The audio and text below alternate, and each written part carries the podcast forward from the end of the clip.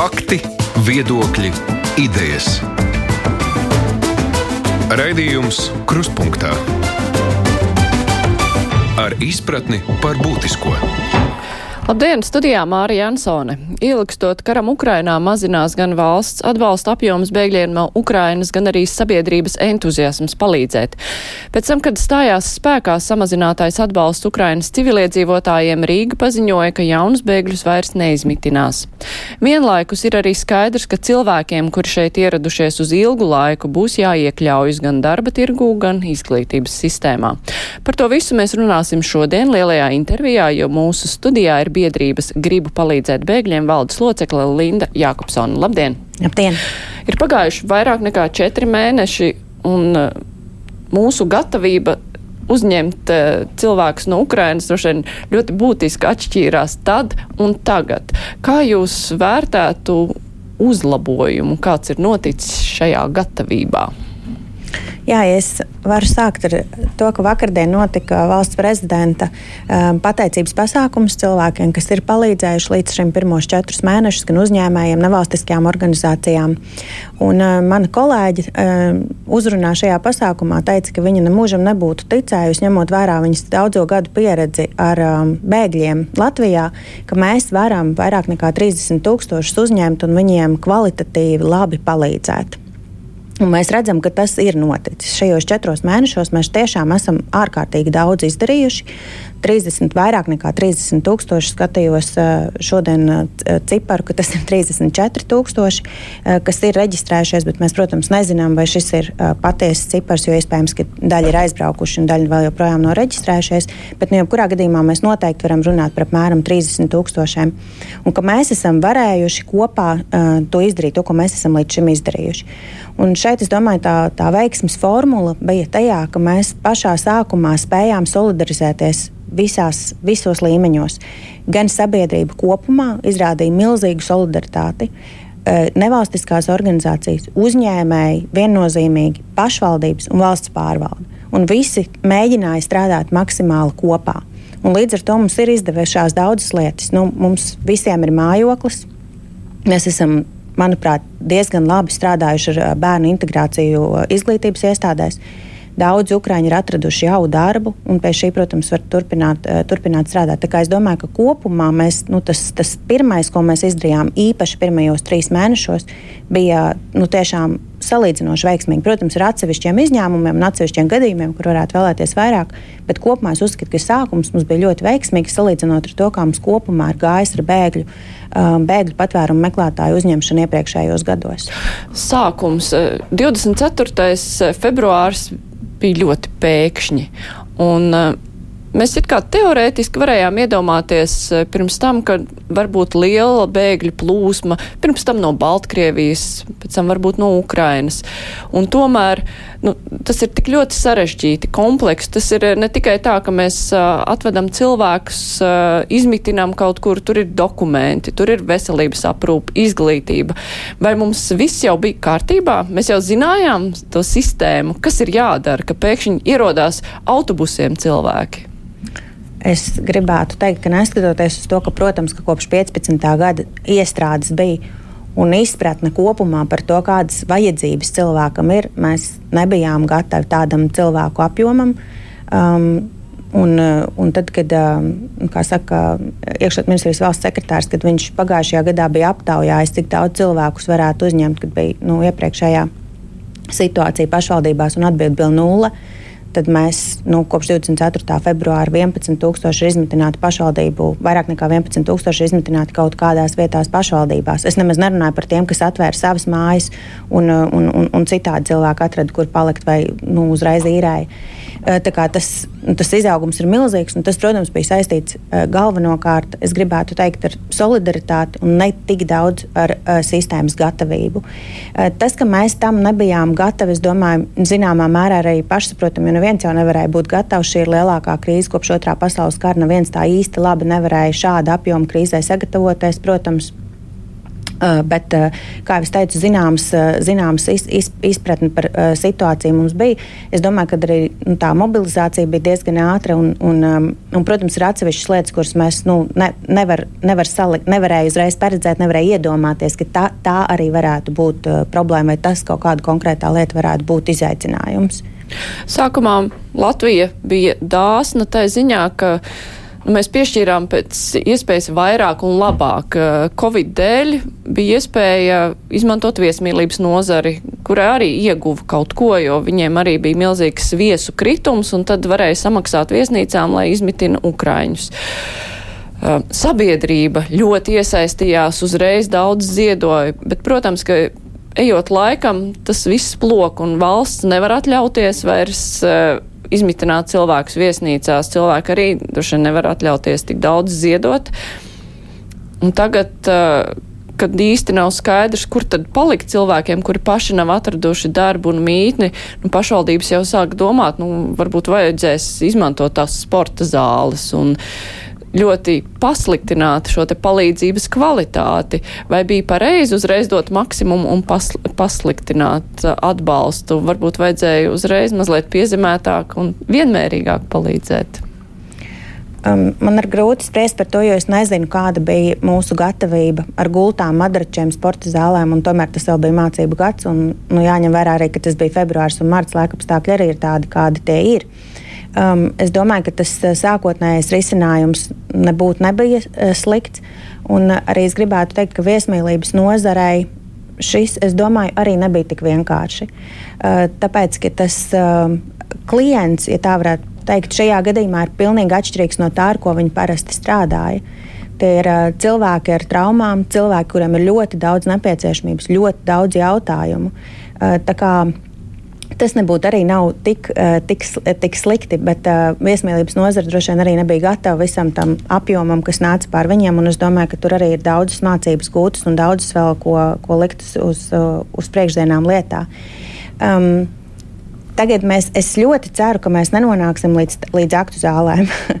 Um, man ir bažas, ka, diemžēl, tā tas varētu notikt, bet es ļoti ceru, ka tas nenotiks. Mājoklis šobrīd no mūsu skatījuma, no nevalstisko organizāciju skatījuma, droši vien arī no pašvaldības skatījuma, no tā, ko mēs dzirdam ziņās, ir top jautājums. Protams, un mēnešiem jau bijis pir pirmais un galvenais jautājums. Mēs esam nākuši klajā ar ļoti daudz dažādiem priekšlikumiem, kā mūsuprāt šo situāciju varēja, varēja risināt izvairoties gan no tās augtās 90. dienas problēmas, jo ja mēs atceramies, tad sākumā tika izlemts, ka primārā palīdzība tiks sniegta 90 dienas, gan ēdināšana, gan izmitināšana. Pēc tam, jau redzot, nu, ka 90. diena pienāk, bet risinājuma īsti nav, tad tika pagarināts par 30 dienām. Tagad šis jaunais lēmums, uh, kas tika izlemts, ka tagad uz 120 dienām. Uh, šis viss arī ir jā, jāsaka ļoti sarežģīti. Pat ikdienā es ar šo strādāju katru dienu. Es piedalos operatīvās vadības centra sēdēs, piedalos saimnes komisijas sēdēs, piedalos iespēju robežās, eh, klausos valdības sēdes, kur par šo lemj. Man ir jāsaka, ka šī situācija ir ārkārtīgi sarežģīta, lai izskaidrotu Latvijas iedzīvotājiem, kā viņi var iesaistīties, un arī lai izskaidrotu Ukraiņas iedzīvotājiem, kāda ir tiem risinājumi. Uh, tas rada nedrošības sajūtu. Tā ir tā galvenā bažas, kas mums šobrīd ir, uh, ka šis mājokļa jautājums, šī neskaidrība ar mājokļa lietu varētu radīt tādu sajūtu Ukraiņas iedzīvotājos šeit, Latvijā, ka viņiem ir jādodas projām. Un, uh, un, un vissliktākajā situācijā, protams, ja viņi atgriežas nedrošā vidē Ukrajinā, mēs uzskatām, ka tā notikt nedrīkst, ka jābūt šai skaidrībai. Bet šie priekšlikumi, ar kuriem mēs esam nākuši, ir mājokļu jautājumā, ir saistīti nu, kāpēc šī mājokļa nav. Tad, tad tas, tā sistēma tika pagriezta uz to pusi, ka cilvēki varēs atrast dzīvokļus un istabas. Mēs zinām, kāds ir mājokļu tirgus Latvijā, ka šis ir problemātiski arī Latvijas iedzīvotājiem. Līdz ar to mūsu skatījumā bija jādomā par burkāniem, un ir jādomā par, ja tā var teikt, burkāniem Latvijas iedzīvotājiem. Uh, um, e, nu, kādi, un, un atvieglojumiem. Nu, piemēram, um, ja cilvēks no Ukrainas šeit ir ieradies un viņš ir iztērējis visus savus iekrājumus, lai ierastos pie mums, un viņam nav nekāda cita palīdzība kā mūsu sociālā palīdzība šobrīd. Tad, mūsuprāt, prasīt no viņa cerēt, ka viņš varēs samaksāt depozītu vai pirmo un pēdējo mēnesi, vai vienalga, kā mēs to nosaucam, ir, ir nu, praktiski neiespējami. Tad mums, mūsuprāt, būtu jādomā par kaut kādu veidu, kādā veidā nu, vai valsts, vai pašvaldība, vai kāds cits varētu garantēt šos pirmos maksājumus. Piemēram, Vēl viens no mūsu priekšlikumiem bija šobrīd, kā mēs zinām, cilvēkiem, kas izīrē dzīvokļus, ir jāmaksā nodoklis. Tas nav liels nodoklis, bet ir 10%. Mūsu priekšlikums ir, ka fiziskām personām, kas izīrē uh, dzīvokļus Ukraiņas civiliedzīvotājiem, šis nodoklis nebūtu jāmaksā. Un tas, var, tas ir tikai viens solīts, kas varētu būt. Un tāpat arī daudzas praktiskas lietas, kā cilvēki, kuri ir gatavi šos dzīvokļus izīrēt, tagad mums ir izveidota sistēma caka.im.gov.lv kurā var pieteikt dzīvokļus šobrīd. Bet arī šī sistēma, nu, kaut arī nav ideāla, protams, tā ir nu, labākā sistēma, kas mums, kas mums šobrīd ir. Bet mēs redzam, ka pašvaldības arī vēl tik daudz neizvēlas tos, nu, tos dzīvokļus no šīs sistēmas, jo tas savukārt ir. Nu, arī nav tik vienkārši tas process. Nu, iedomājamies, es esmu ielikusi to dzīvokli tagad šajā sistēmā. Uh, un sagaidu, ka Ukrāņi pie manis ieradīsies, un man zvana no um, pašvaldības policijas vai no valsts ugunsdzēsības un glābšanas dienas un saka, šodien bet šodien es, piemēram, neesmu mājās, vai šodien man ir kaut kāds pasākums mājās, piemēram, vai kaut kas cits. Tāpēc mūsu aicinājums ir domāt par šo saulaicīgāk, piemēram, brīdināt cilvēkus, ka nākamnedēļ pie kāds no jums varētu ierasties. Un tie ir tikai daži no tiem priekšlikumiem, kas mums, mums arī ir. Mums arī dažkārt cilvēki raksta, ka ir gatavi izīrēt dzīvokli, bet nu, viņi tomēr gribētu pirms tam iepazīt šos īrniekus, lai nu, varētu saprast, vai uzticas viņiem vai neuzticas. Nu, katrā ziņā nu, tas ir normāli izīrētāja vēlme. Un cilvēki, kuri gribētu pievienot savu dzīvokli tai palīdzības lapai, viņi nezina, viņiem būs tāda iespēja vai viņiem nebūs, un tad viņi drošības pēc tomēr neieliek to dzīvokli. Kā tur īsti ir? Tā tīri iedrošināt tos, kuri grib saprast, vai viņi uzzinās, ko izmitinās vai neuzzinās. Man liekas, es par šo neko neesmu dzirdējis, ka šāda iespēja būtu. Bet uh, ir arī daudz citas iespējas. Nav jau tikai caur šo sistēmu iespēja. Cil Ukraiņas cilvēki meklē visies, visdažādākajos veidos dzīvokļus šobrīd. Mēs redzam, ka tajā pašā Facebookā un Telegramā šie jautājumi par to, kuras varētu atrast dzīvokli, griežas. Tā kā šī jau ir vēl viena iespēja. Paskatāmies, kas ir tie cilvēki nu, kur pēc profila satiekamies, sazvanamies, sarunājam. Nav jau tikai ar to sistēmu vienīgā iespēja, ir daudz citas iespējas. Ja cilvēkiem ir šī iespēja, tiešām aicināt izmantot visas iespējas. Jo tas ir šobrīd, nu, šis mājokļa jautājums ir vienīgais veids, kā mēs varam nenonākt pie tām aktu zālēm. Klausītājs raksta, aprīlī piedāvāja savu lauku māju ar ērtībām bez atlīdzības. Neviens ar mani nesazinājās. Šodien ierakstot Google izmitināt bēgļus, nekādu liederīgu informāciju neatrod. Sākšu ar otro jautājumu par liederīgo informāciju. Joprojām visa informācija, visa pamata informācija gan Ukraiņas cilvēkiem Latvijā, gan Latvijas iedzīvotājiem ir mājaslapā palīdzi Ukrainai.lv. Palīdzi Ukrainai.lv, pateikšu vēlreiz.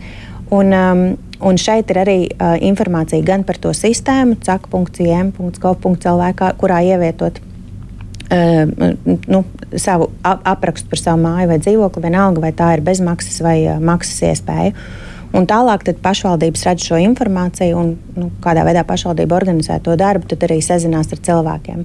Tā situācija aprīlī var būt, um, es atkāpšos solīt atpakaļ. Februārī, tad, kad sākās karš, um, mēs gribam palīdzēt bēgļiem, izveidojām tādu datu bāzi, kur aicinājām visus pieteikties. Tālāk mēs to datu bāzi, kur bija tūkstošiem cilvēku, kas bija piedāvājuši savu mājokli, mēs nodevām valsts ugunsdrošības un glābšanas dienestam, kur ir atbildīgi par šo mājokļu jautājumu un izmitināšanu Latvijā. Un tad tālāk viņš šo sadalīja pa pašvaldībām, un katra pašvaldība, uh, nu, iespēja robežās, droši vien sazinājās ar tiem cilvēkiem, kas ir tajā datu bāzē. Tā man tā vispārīgi ir grūti atbildēt, kas tieši nav nostrādājis. Bet, bet sākumā man arī ir jāatzīst, ka mēs nesapratām daudzas lietas un nezinājām. Tas ir par to mūsu gatavību Mēs, piemēram, neiedomājāmies uzreiz paprasīt, vai šis mājoklis ir pieejams, piemēram, ar bērniem. Nu, piemēram, ja nav kur nolikt bērnu ratiņus, tad šis nav pieejams mājoklis cilvēkam ar bērniem. Vai, piemēram, ir īpašnieks, kas dzīvo turpat uz vietas, un viņam ir alerģija pret kaķiem, tad, tad ar kaķiem tajā dzīvoklī nevar palikt. Un tas izklausās ļoti vienkārši, bet tas nav tik vienkārši, ka pašvaldības darbiniekam ir jāsēž un visi šie jautājumi ir jāuzdod pa jaunu. Tā kā tagad tajā jaunajā sistēmā, ko iekšlietu ministrija ir izveidojusi, tajā jau šie visi pamatjautājumi ir, ir iekšā. Jā, cits klausītājs arī raksta, ka bija pieteicies palīdzības sniegšanai trīs mēnešus. Viņš ir noturējis tukšu divi istabu vai vienistab dzīvokli Rīgā, pārdaugavā. Vienreiz viņam ir uzzvanīts, apjautājās, vai viss ir pareizi, un viss. Un viņš zina, ka nav tāds viens. Tā ir tā diezgan izplatīta problēma. Mums visu laiku rakstīja, ka cilvēki, nu, es arī parasti brīvajā mikrofonā ieteicu, nu, tur meklēt kaut ko Facebookā, kur sludinājumi parādās visu laiku. Bet, eh, nu, kaut kas ar to tādu sistemātisku kārtību laikam nav bijis. Es domāju, ka tur bija, nu, tas ir jāatzīst, jā, tur bija e, aizķeršanās, kas es ceru, ka e, ar šo jauno sistēmu, ko iekšlietu ministrija ir izveidojusi, ka tas varētu darboties labāk. Jā, tad e, klausītāji lūdzu atkārtot, kā sauc to mājaslapu, kur piedāvā dzīvokli palīdzības lapai. CAK, kas ir no Civilās aizsardzības komisijas, lai vieglāk var atcerēties, punkts IM, tā kā iekšlietu ministrija, punkts gov, tā kā visām valdības lapām, punkts LV. CAK, punkts IM, punkts gov, punkts LV. Runājot eh, par nevalstiskā sektora iesaisti šādās, šādās krīzes situācijās, nu, prasīt, ka visu izdarīs valsts, jau arī droši vien, ka nebūs pareizi. Kā tā proporcija sadalās, cik lielā mērā atbildība tad ir gulusies uz valsts pleciem un kas noteikti nebūtu noticis bez nevalstiskā sektora iesaistes? Nu, šobrīd man jāsaka, ka atskatoties uz tiem četriem mēnešiem, nevalstiskais sektors ir izdarījis uh, milzīgu darbu daudzās jomās. Nu, viena no pašā sākumā atceramies, mēs ļoti daudz cilvēkiem palīdzējām nokļūt Latvijā. Tā bija ļoti būtiska problēma. Um, jo cilvēkiem nebija transporta, nebija īsti skaidrības, nebija sakārtot šis jautājums. Un, um, Es gribētu teikt, ka tie ir vismaz 4000 cilvēki, kuri ar brīvprātīgo atbalstu ir atvest uz Latviju. Un ir jāsaprot, ka tas ir milzīgs, milzīgs darbs, tāpēc, ka ir cilvēki, kas brauc pa saviem privātiem līdzekļiem, ar saviem privātiem automašīnām pārsvarā. Pēc tam arī bija uzņēmuma ziedojumi, bet nu kopumā. Um, otrs lielais darbs ir labdarības organizācijas. Um, mums, ir, mums ir apkopota informācija, ko mēs jau martā arī izdarījām. Izveidojām karti, lai redzētu, lai cilvēkam būtu skaidrs, kur, kur var iegūt kādu palīdzību. Jo daudz no cilvēkiem ir ieradušies tiešām ar vienu maisiņu vai vienu čemodānu um, ar vienu apģērbu kārtu. Iespējams, tie jautājumi bija ārkārtīgi dažādi pašā sākumā. Un arī tagad, protams, bet tagad viņi, nu, tiem cilvēkiem, kas ir ilgāk, viņi ir attīstījušies arī par citām lietām. Ja sākumā tas bija apģērbs primāri, tad vēlāk arī, protams, sadzīves tehnika, dažādas lietas bērniem. Mēs izveidojām vienotu karti, palīdzības karti.lv kur var redzēt visus apmēram 100 punktus Latvijā, lai cilvēkam nav jāiet no vienas vietas uz otru un nezināmā laikā vai iepriekš jāpiesakās, tad tur var redzēt visu šo informāciju vienopus. Tāpat arī par informācijas izplatīšanu varu teikt, ka jau 27. februārī bija izveidota šī lapa palīdz Ukrainai.lv. Droši vien daudziem nav zināms, ka tā ir nevalstiska organizācija izveidota lapa un joprojām darbojas tikai ar brīvprātīgo spēkiem. Tā ir pamata informācijas lapa, kurā ir apkopota, kurā mēs cenšamies apkopot visu informāciju, kas ir nepieciešama. Tas droši vien būtu noticis, bet droši vien 27. februārī, kad mēs to izdarījām. Un uh, vēl viena būtiska lieta ir, mēs ļoti daudz palīdzam nevalstiskās organizācijas ar dažādu darbu, ko dara brīvprātīgie. Un tas ir visplašākais darbs. Tas ir gan bijusi palīdzības sniegšana Ukrainai, palīdzības sūtīšana, palīdzības komplektēšana ar ko nodarbojušās daudzas organizācijas, arī uzņēmēji, bet tur nevalstiskās organizācijas ir nākušas ļoti tālu, kā arī pie koordinācijas. Tās ir bijušas kaut vai kamuflāžas tīklu pīšana, visā Latvijā to dara. Um, tās ir visdažādākās aktivitātes, integrācijas aktivitātes, eh, kas tiek nodrošinātas uh, bērniem, valodu klubiņi visdažādākie. Uh, tāpat arī brīvprātīgo darbs, mm, uh, kurš ir uh, nu, piemēram Kaļķu ielā. Tas, um, mums ir savs, piemēram, Kaļķu ielas um, Rīgas bēgļu atbalsta centrā. Mums ir savs nevalstisko organizāciju informācijas centrs, kurā regulāri strādā brīvprātīgie, kurā mēs esam apkopojuši visu piedāvājumu no nevalstiskajām organizācijām, kāds ir sākot ar um, nu, atbalstu Eh, kur var, eh, es nezinu, par tiem pašiem dzīvniekiem runājot, kur var dabūt starta paku kaķiem un, un beidzot ar visdažādāko interešu izglītību bērniem. Nu, viss tas spektrs ir, ko cilvēki nāk un prasa, viss visdažādākais.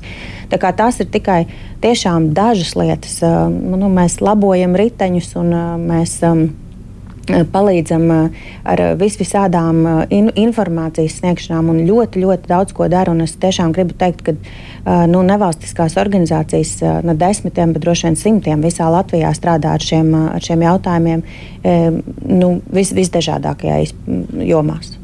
Runājot par palīdzēšanu un visdažādākajām akcijām, ļoti pazīstama akcija ir Reinis Pozņaks, ko ir aizsācis, kur vāc automašīnas un ved uz Ukrainu, kuras tieši var izmantot civilās automašīnas, bet arī militārām vajadzībām.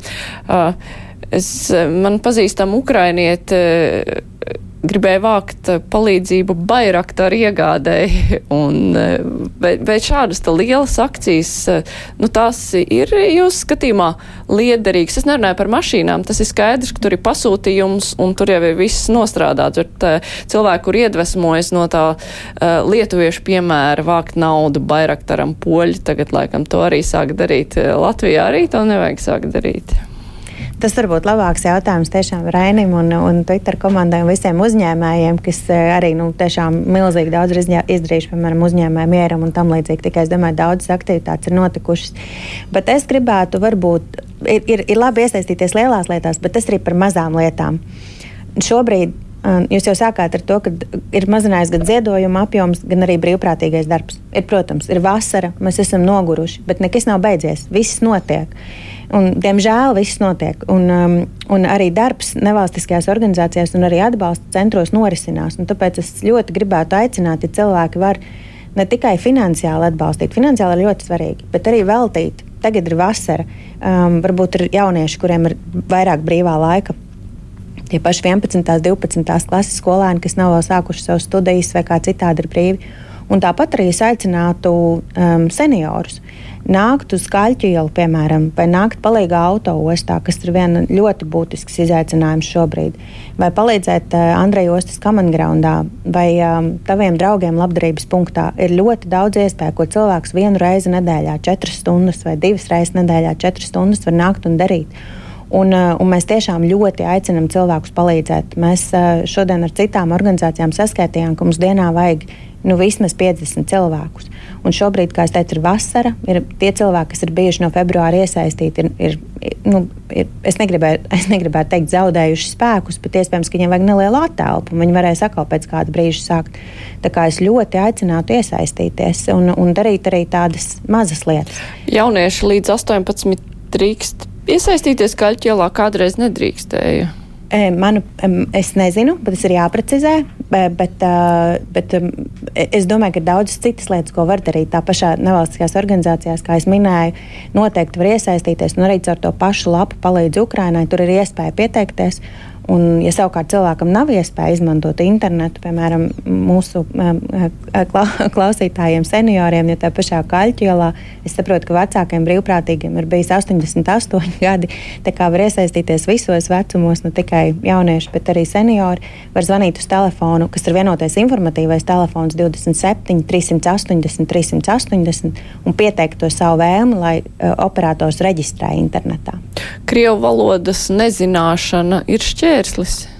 Es teiktu, ka nē, tāpēc ka ir daudz darbi, ko, ko, ko var darīt arī bez krievu valodas uh, zināšanām.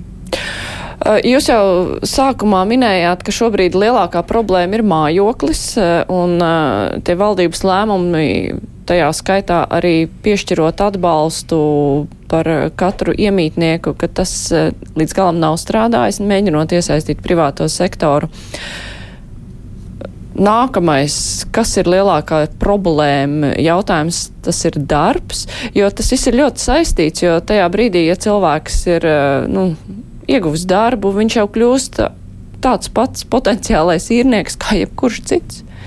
Protams, ir, ir, ir vairākas lietas, kas savā starpā ir saistītas. Nu, pirmā ir mājoklis. Ja cilvēks nav drošs par vietu, kur viņš paliek tajā brīdī, viņš nevar domāt ne par ko citu. Uh, tāpēc nodarbinātība, protams, ir veids, uh, kā šo, kā šo pirmo uh, lietu risināt.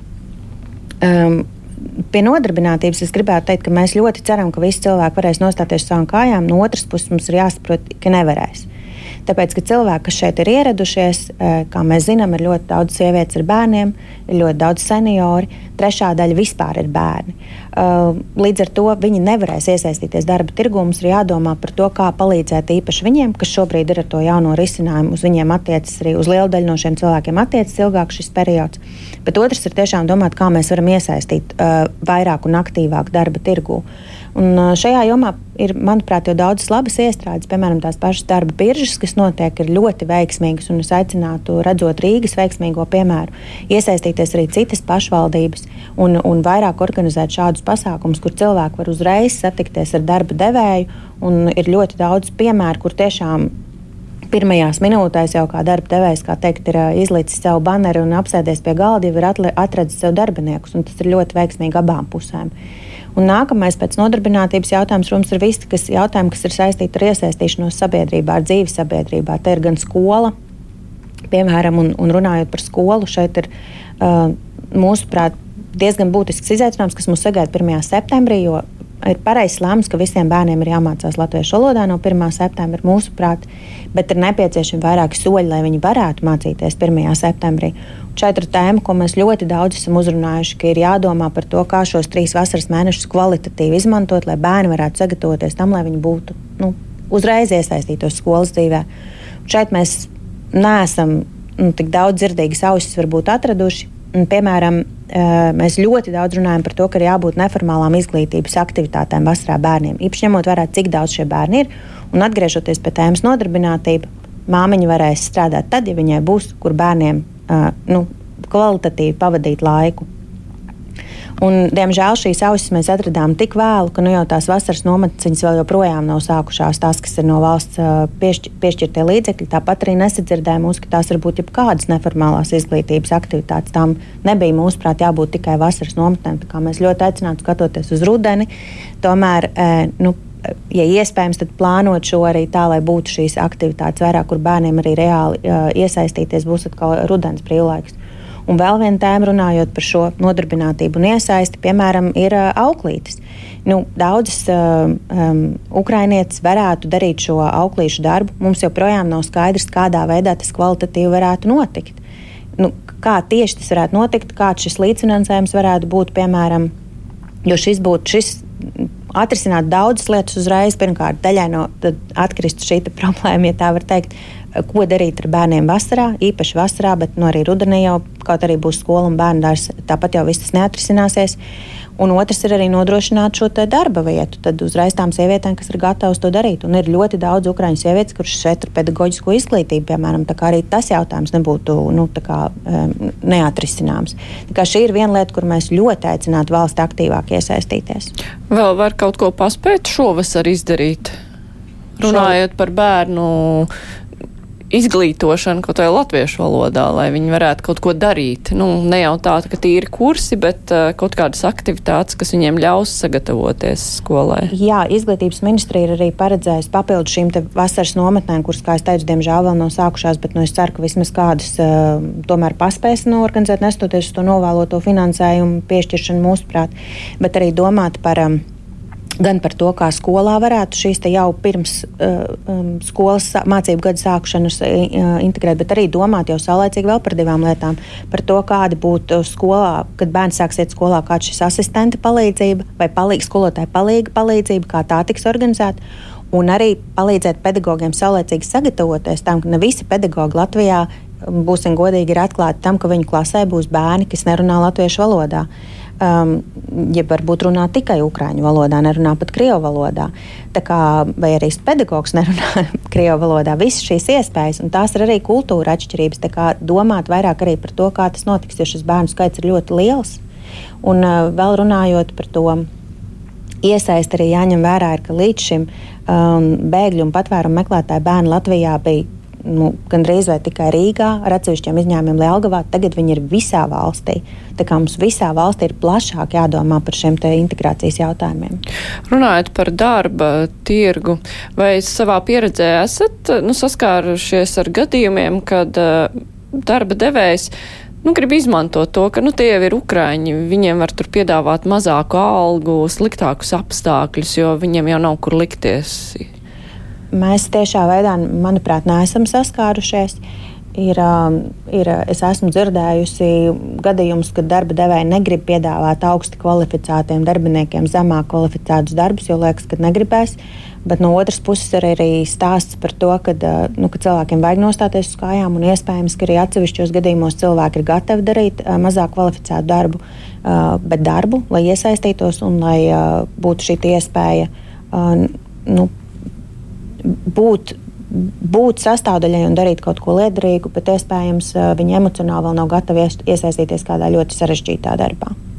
Klausītājs raksta, ka vasarās laukos var atrast darbu gan mātes, gan bērni, gan vecie, jo ogas lasīt var viņi visi dabūs ogas sāēsties un naudu nopelnīs. Bija tas um, nu, tāds strīds arī sociālajos tīklos pēc šķiet panorāmas sižeta par to, nu, kuru uh, zemeņa audzētāji sūdzējās, ka viņiem nav kas ogas las un ka viņi tā kā bija cerējuši uz šo papildus darba spēku, lai gan, nu, darbs ir ļoti smags un arī neatrodas pie uh, Rīgas, nu, lai cilvēkiem ir viegli tur nokļūt. Uh, tādas cerības uz to, ka, nu, Ukraiņi tagad aizpildīs visas uh, darba vietas neaizpildītās laukos, tas, laikam, bija pārsteidzīgs, nu, ka uz to nevajadzētu cerēt, ka kara bēgļi atbrauks un tagad izglābs situāciju. Kā jūs skatāties vispār uz tām gaidām, nu, ko, ko tad Ukraiņiem vajadzētu vai nevajadzētu darīt?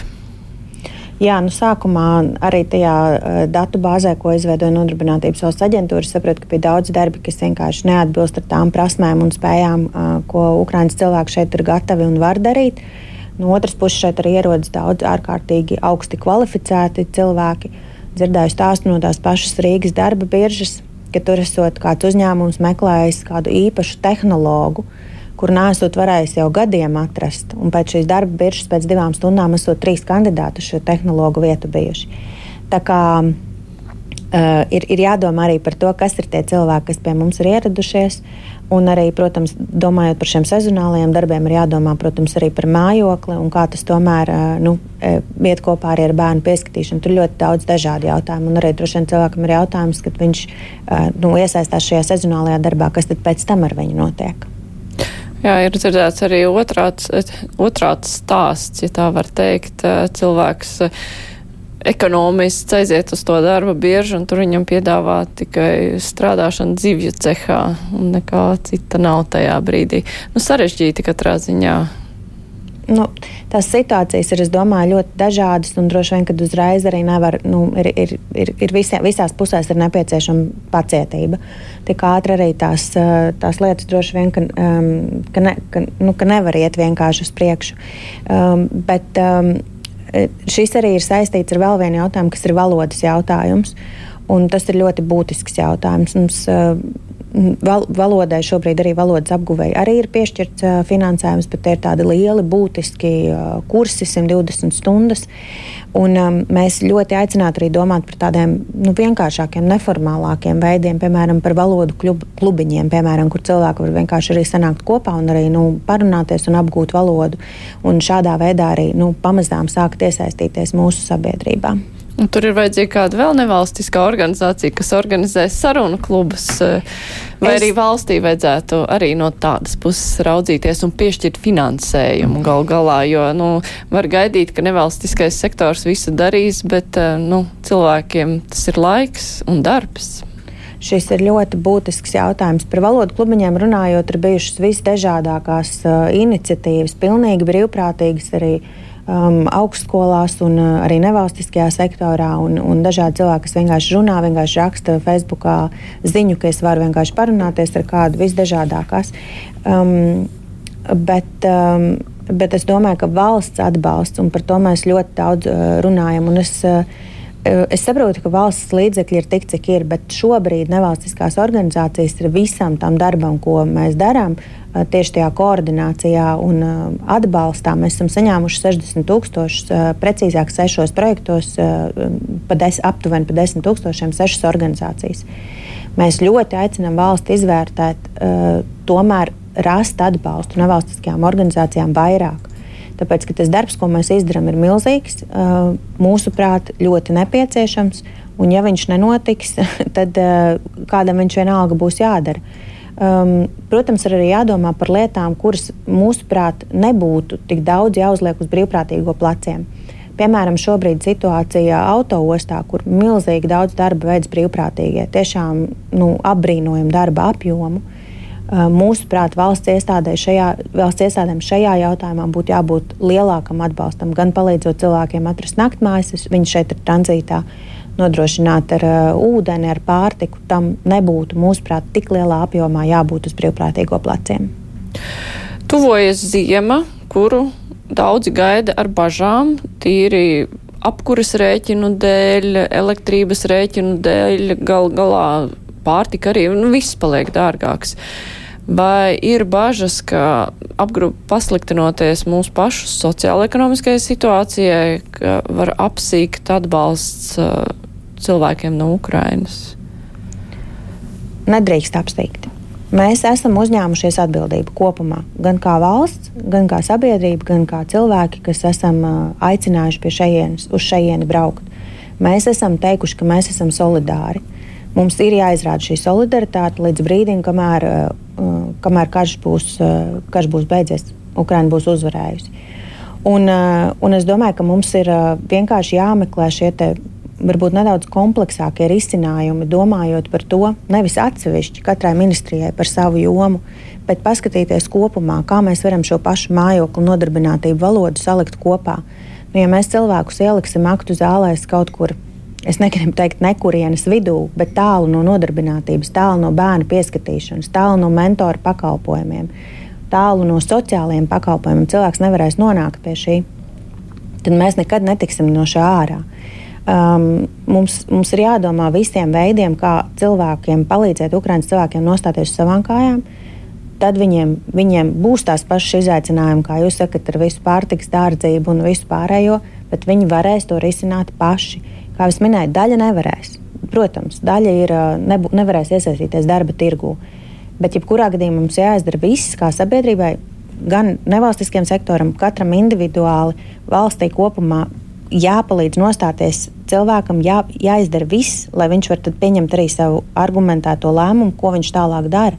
Um, skaidrs, ka daļa cilvēku izlemj atgriezties, daļa cilvēku grib šeit palikt ilgāk, un iespējams, ka paliks šeit ļoti ilgi.